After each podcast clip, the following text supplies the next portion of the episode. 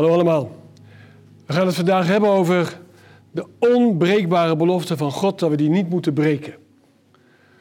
En dan denk je, ja, wat bedoel je met onbreekbaar? Nou, onbreekbaar is iets dat je dus niet met het geweld kapot kan krijgen.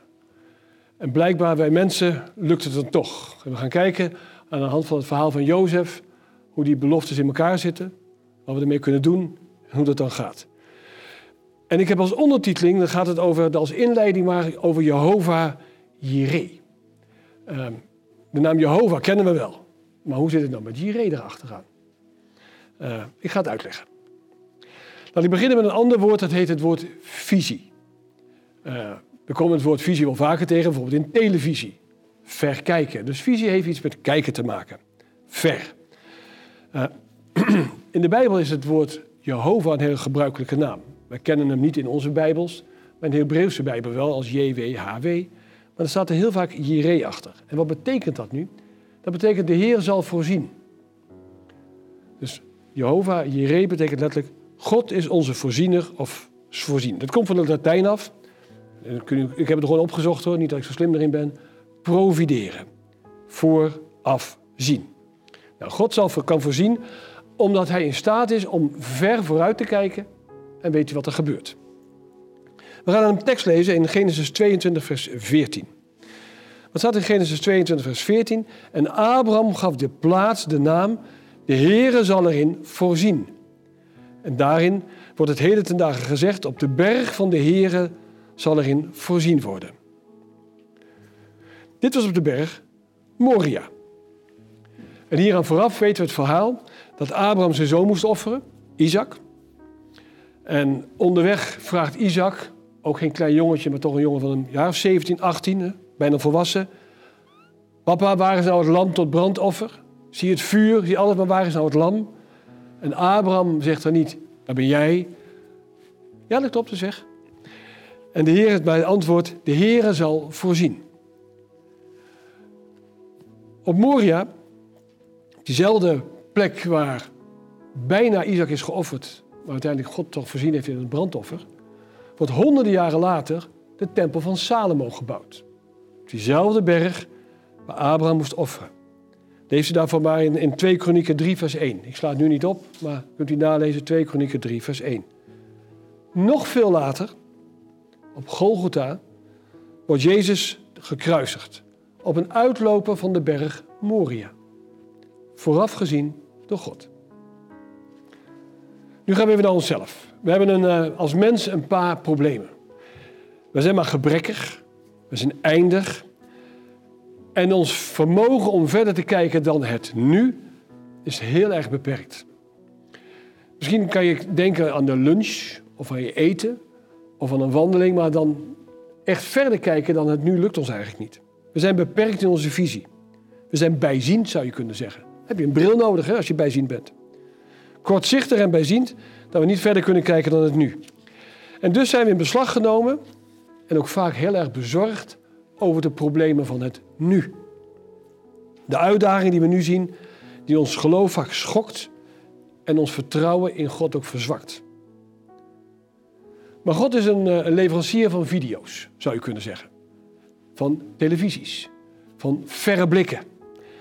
Terwijl wij worstelen met het probleem van het nu, is God al ver weg. Niet letterlijk hoor, maar in zijn gedachten. En dan ziet hij, ziet hij de plek waar het nog niet is voor ons. Tegen, tegen, tegen de tijd dat wij als mens ons verplaatsen van het nu naar het nog niet, heeft God het probleem al verplaatst naar het gebied dat niet langer een probleem is. Zo denken dat het komt en het is al opgelost voordat we er zijn. Dat is daadwerkelijk Jehovah Jireh, onze verzorger. Nou is ons leven eigenlijk geen momentopname. Je denkt, ja, maar ik leef nu. Dat klopt wel, maar het leven is niet zo. Het is geen bevroren moment in tijd. Het is een constante film, zeg maar, die afspeelt en in beweging is. Dat klinkt wat raar, hè? Je bent niet waar je heen gaat. Dat is pas voorbij als God zegt ook dat het voorbij is. Je bent waar je bent. En niet waar je heen gaat. Mijn God, hè, maar ook jullie God, zal in al onze behoeften voorzien omdat hij de noodzaak ziet voordat je er bent. Dan komen we het volgende punt. Hoe zie je nou jezelf? Het is allemaal nog de inleiding en we komen zo naar de volgende hoofdstukken. Hoe kijkt u naar uzelf? Ons verstand, onze geest, kan weinig onderscheid maken tussen een mentaal beeld en een actueel beeld in tijd. Wat ons verstand ziet, dat geloven we. Als je om een of andere reden vastgelopen bent in een vroeger beeld van je eigen leven, begin dan met vandaag en herformuleer dat beeld in je geest door naar de visie te gaan waar je was en waar je nu bent. En de manier waarop je jezelf ziet, is in de vergelijking met de manier waarop je anderen jou zullen zien. Dus als je jezelf serieus neemt, zullen andere mensen je als serieus zien.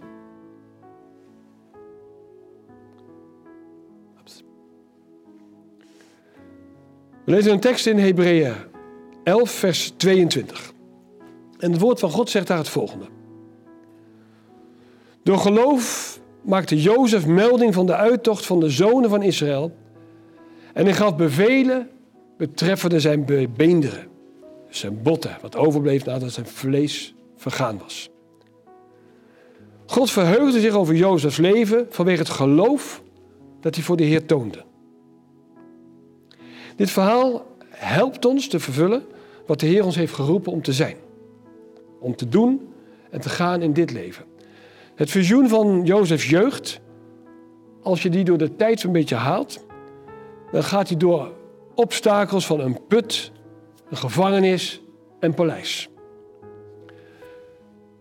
We gaan in de volgende vier stappen zo meteen zien wat nou een werkend geloof betekent en hoe wij Gods kracht kunnen overwinnen. In Gods kracht. Het gaat om de volgende stappen. Dat is ook de titel van mijn hele thema. Hè? De onbreekbare belofte van God moet je niet vergeten. De tweede stap is de onwankelbare kracht van God moeten we beseffen. De derde stap is verandering is op komst en het is er nu. En de laatste is, we moeten rusten of berusten in de onmiskenbare vrede van God. Laten we de eerste stap maar doen. De onbreekbare belofte van God niet vergeten. Als we teruggaan naar de geschiedenis, dan had God honderden jaren eerder beloofd aan Abraham zijn afstammeling. En dat zijn afstammelingen de hele aarde zouden vervullen. Hij herinnert zich hoe de Heer tot Abraham, Jozef dan, Isaac en Jacob sprak. Wel, God sprak tot Jozef. Hoe daarvoor? Tot Abraham. En hij vertelde dat hij een zoon zou krijgen. En dat die zoon een natie zou worden. En dat het land uiteindelijk zou worden verplaatst naar een ver land. Die mensen. En dat ze tot slavernij zouden worden gedwongen. En dat er een uittocht zou zijn en dat ze zouden terugkeren. En God zei tot Abraham ook dat het minstens 400 jaar zal duren. Hij zei, Abraham, ik doe een belofte aan je. En de belofte die ik doe is groter dan dat jij bent. Het zijn mijn eigen woorden even. En het zal ook langer zijn dan je eigen levensduur.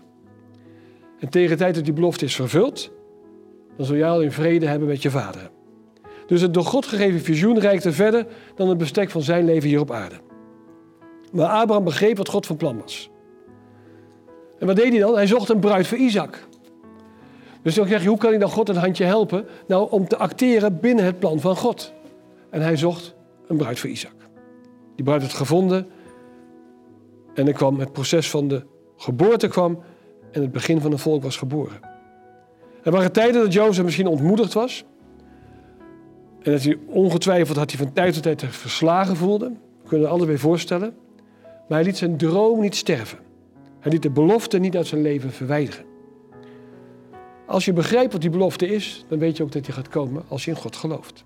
Dus ongeacht een put, een gevangenis of het paleis of een farao, Jozef bleef zijn opdracht trouw. Weet je, sommige mensen proberen die onbreekbare belofte van God te breken. Dat heb ik net al gezegd. Ze zijn eigenlijk niet breekbaar, maar mensen kunnen dat wel. En uiteindelijk, wat er gebeurt, worden mensen er zelf door gebroken. We kunnen ofwel gezegend worden door Gods belofte, of je wordt gebroken door Gods belofte. Maar we zullen ze nooit kunnen buigen. Wat is dan wijsheid? Nou, wijs is om, en dan komt er een lastig woord, synchroon te lopen met het plan van God. Dus parallel eraan, in harmonie ermee. En God met eerbied en integriteit vragen om te zegenen dat je pad voorspoedig mag zijn. Jozef was een van de weinigen die zijn generatie het begreep. ook al werden de beloften van God niet rechtstreeks aan ons gegeven, we hebben ze wel geërfd. We gaan even naar het eind van Jozefs leven. Daar komen we nog een paar keer op terug hoor. Wat doet hij dan? Dan roept hij zijn familie bij elkaar. Kinderen en kleinkinderen. En hij herinnert ze aan de belofte van God. Hij herinnert hen eraan waar ze straks heen zullen gaan. En hij begrijpt dat dit in de harten van het volk moet worden geplaatst. Als je dit verhaal eens verder leest, is het verbazingwekkend als je het boek Genesis pakt, dat bijna een kwart van Genesis, 25%, is gewijd aan Jozef. En maar één vers in Hebreeën 11 van de geloofshelden. Dat, dat maakt zo boeiend. Ik denk, waarom niet meer? Maar daarom heb ik het er nu even over. Een kwart van het boek Genesis. In Hebreeën 11, vers 22, daar staat waar Jozef melding maakt van de uittocht van de zonen van Israël en hij bevel geeft dat zijn beenderen mee moeten. Dus denk nou eens na, ik daag je daarop uit om aan die onbreekbare belofte van God te denken. God kan op een dag als glorieheer van deze aarde. Zoals de zee de aarde door het oceanen bedekt en op de oceaanbodem is er geen plekje die niet nat is. Zo zal uiteindelijk Gods glorie de hele aarde bedekken. Nergens een plekje is waar die niet komt. We gaan de tekst niet opslaan, maar u mag hem straks lezen in Openbaring 7. Als u de Bijbel openslaat, dan komt u daar de 144.000 tegen en de grote scharen uit elke taal, stam en natie. En die staan op een dag voor de troon van God. En wat betekent dat nou? Of u nu wel of niet meedoet. De Heer zal ons voorbij gaan als wij niet in synchroon lopen met zijn plan. Want deze belofte komt ook uit in openbaring 7. De 144.000 zullen er staan. Of je er wel of niet bij hoort. De grote scharen zal er zijn. Er zijn meer beloften dan problemen. En weet je wat zo boeiend is als je de Bijbel leest? Er staat nergens bij dat de goddelijke drie-eenheid in een spoedzitting bijeenkomt dat er problemen zijn die ze niet op kunnen lossen. Staat er nergens. Het verlossingsplan is gemaakt voordat de ellende kwam. De Heer zal voorzien. Dus God maakt zich geen zorgen voor jou of voor mij, maar hij zorgt wel voor ons. Even naar onszelf. Zoals we allemaal zoals we hier zitten of kijken, hebben we gewoon onze eigen problemen. We zijn mensen, dus we hebben problemen en zorgen. Maar we hebben ook een zichtprobleem, een kijkprobleem. En ik heb al verteld, we kunnen niet verder kijken dan het nu. Dus we zijn een beetje bijziend, ook wat onze problemen betreft. Bijvoorbeeld, ik wou dat ik geld genoeg had. Dan had ik geen zorgen meer. Nou, als je geld genoeg hebt, heb je soms andere zorgen. Dan kan je namelijk kwijtraken. Je kan het verliezen. Heel veel rijke mensen hebben die zorg. Oh, als de beurs maar overeind blijft.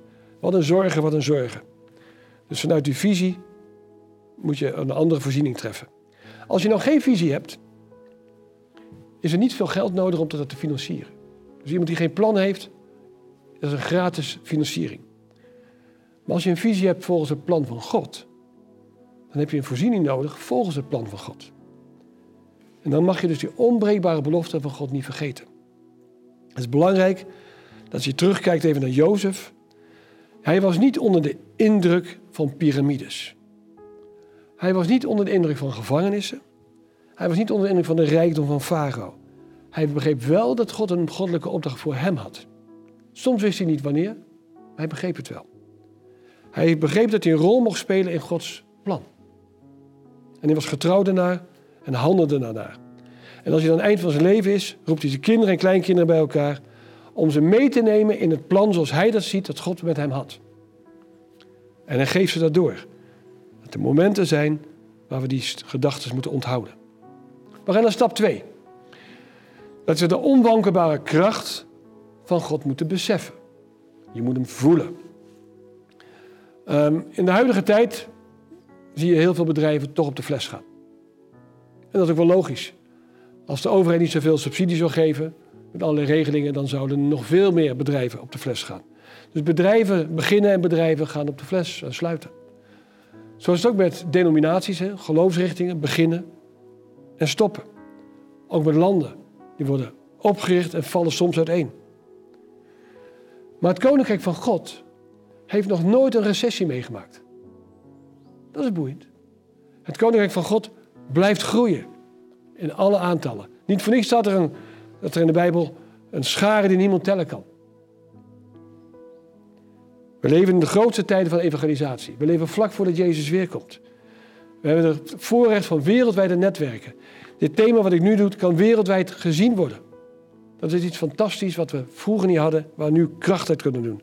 God heeft een plan, ook voor deze tijd. En we mogen die onwankelbare kracht van God beseffen.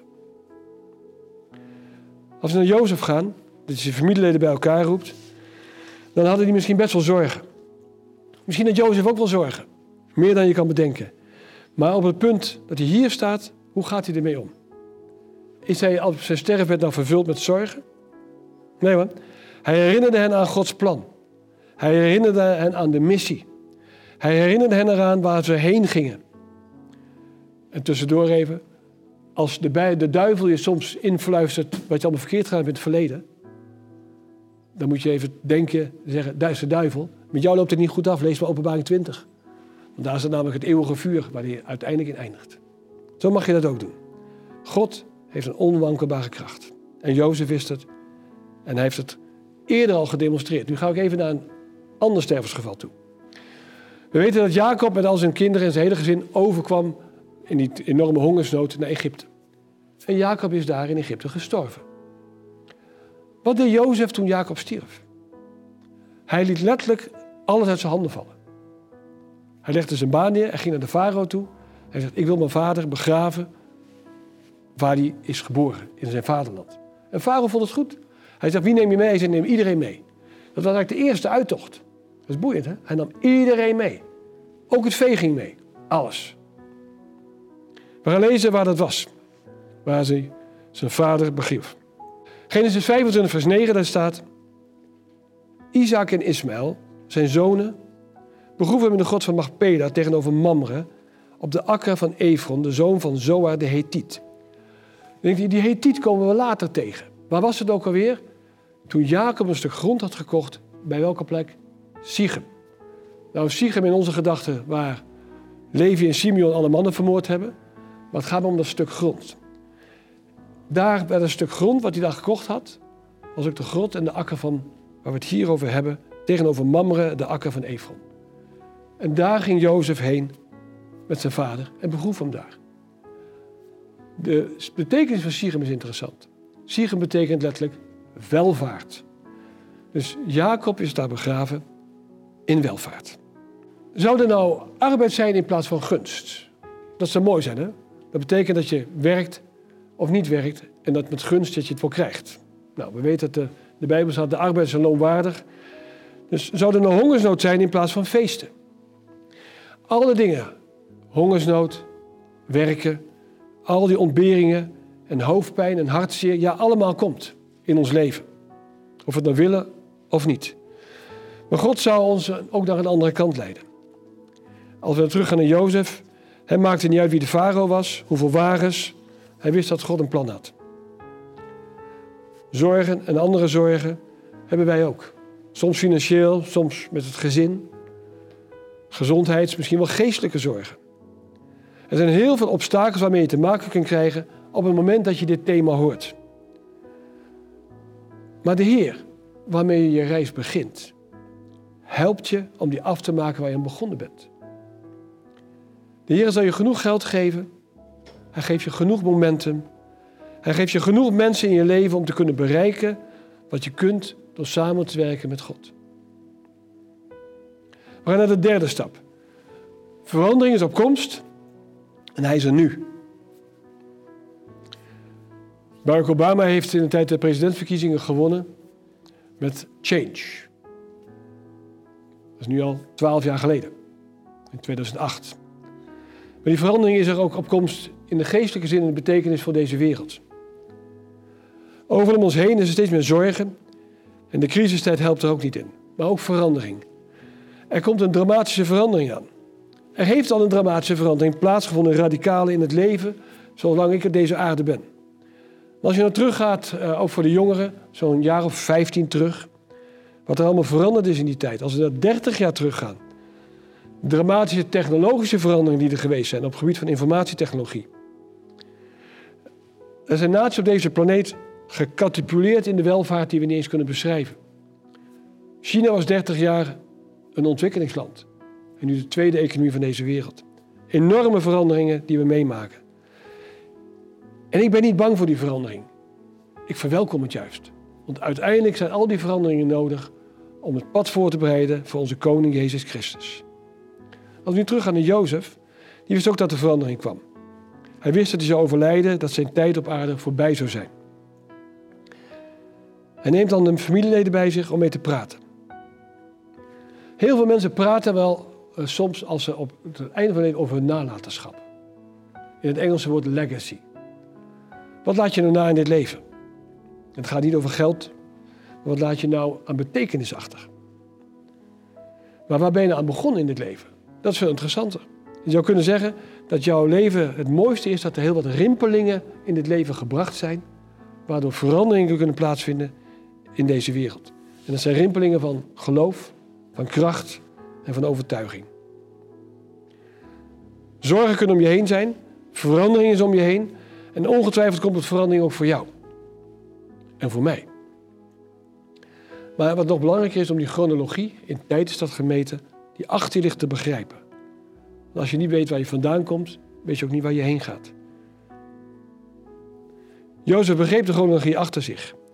Hij wist dat de dag zou komen dat God de belofte van de Exodus in de wereld zou vervullen.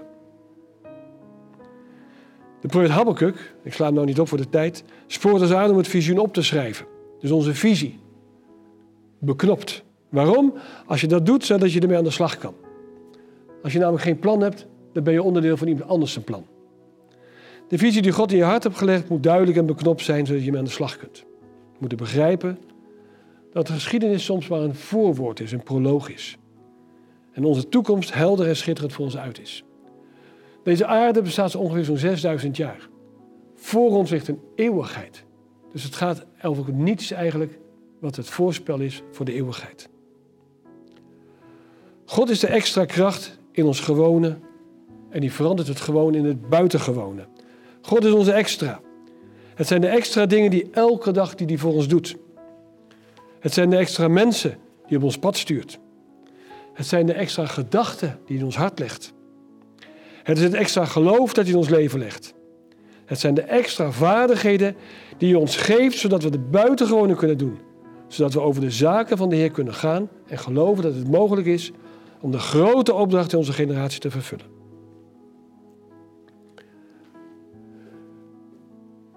We lezen een citaat uit de Schatkamer van de Getuigenissen, deel 3 van Zuster White, bladzijde 445. Passend bij in dit geval de veranderingsopkomst tussen nu.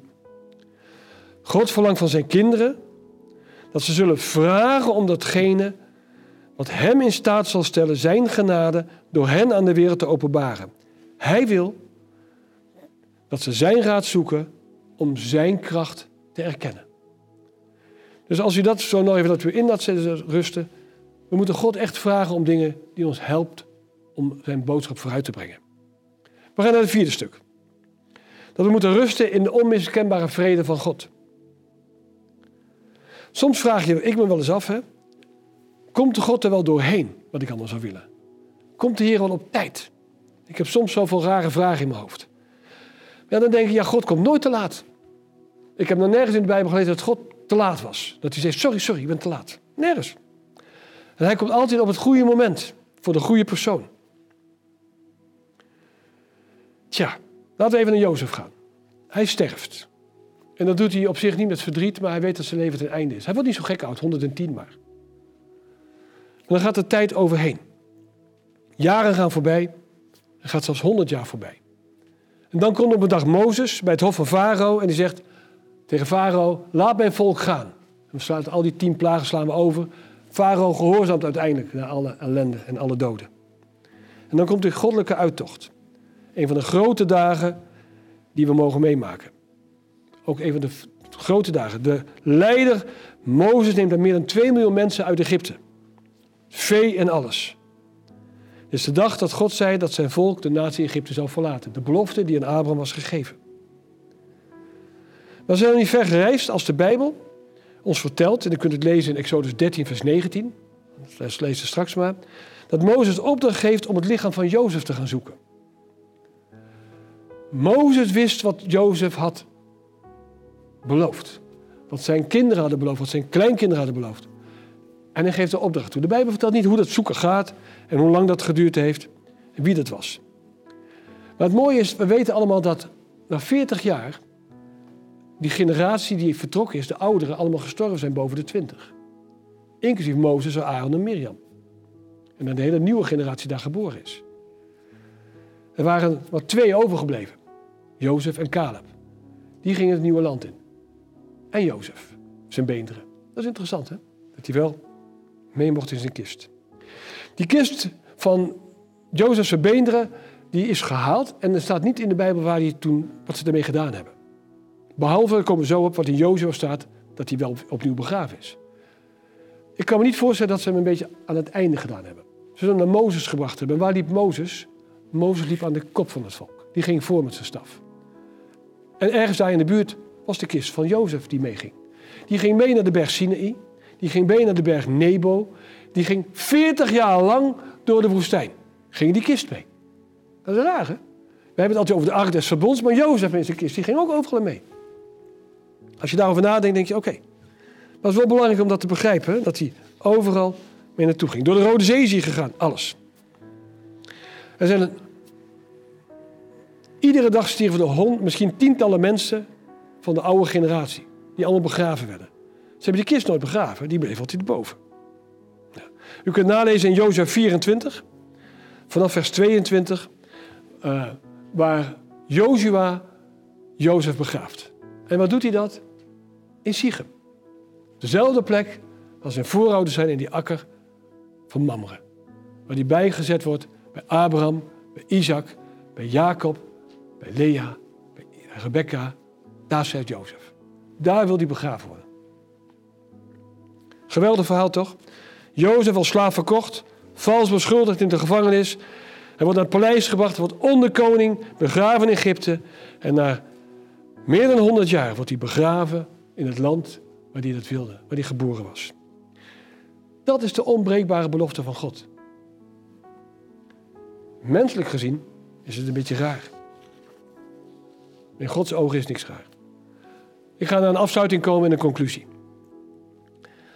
Als je erover nadenkt, zijn er heel veel momenten en signalen van verandering die komen. En die gaan komen in deze wereld. Er zijn er maar een paar die aan het einde van de levensreis kunnen zeggen. Ik heb niet alleen geholpen om verandering te brengen, ik heb ook geholpen om redding te brengen. Het zou mooi zijn als wij dat kunnen zeggen als wij aan het eind van ons leven zijn, dat we redding gebracht hebben. Toch een verwarrende vraag een beetje aan het einde van het thema, die ik wil stellen. Waarom was Jozef nou ontevreden om in Egypte achtergelaten te worden? Waarom moedigde hij zijn familie nou niet aan om door te gaan naar het land Canaan op een dag dat ze allemaal in glorie zouden samenkomen? Waarom is hij niet gebleven toen hij zijn vader Jacob begraven had? Allemaal niet gedaan. Want hij had een opdracht van God gekregen. En die heeft hij eerst vervuld. En dan heeft hij, is gestorven in Egypte. Als een belangrijke onderkoning. Maar hij vroeg wel om zijn benen te, dan te begraven als ze teruggingen. Hij had zo'n verlangen om opgenomen te worden in Gods plan om het koninkrijk op aarde te vestigen. Nou, als je dit soort passie aankweekt als gelovige in deze huidige tijd in 2020, dan zal je geloofsreservoir nooit opdrogen. Dan wordt je bron nooit ingedampt. Dan blijft er stromend water ook uit ons komen. En dan wordt het niet verroest of doorgebrand. Dan blijft een brandend vuur van geloof. Dus ik daag jullie allemaal uit om juist in deze generatie een gelovige te zijn of te worden. Je gemeente te mobiliseren, de mensen in je buurt, je gezin, je familie, om gedoopt te worden in de visie die past bij onze God. God heeft ons een plan toevertrouwd. Ieder persoonlijk. Dat wij in dat plan stappen om samen met God dat die plan aan te gaan en die visie te mogen volbrengen. Amen. Maranatha.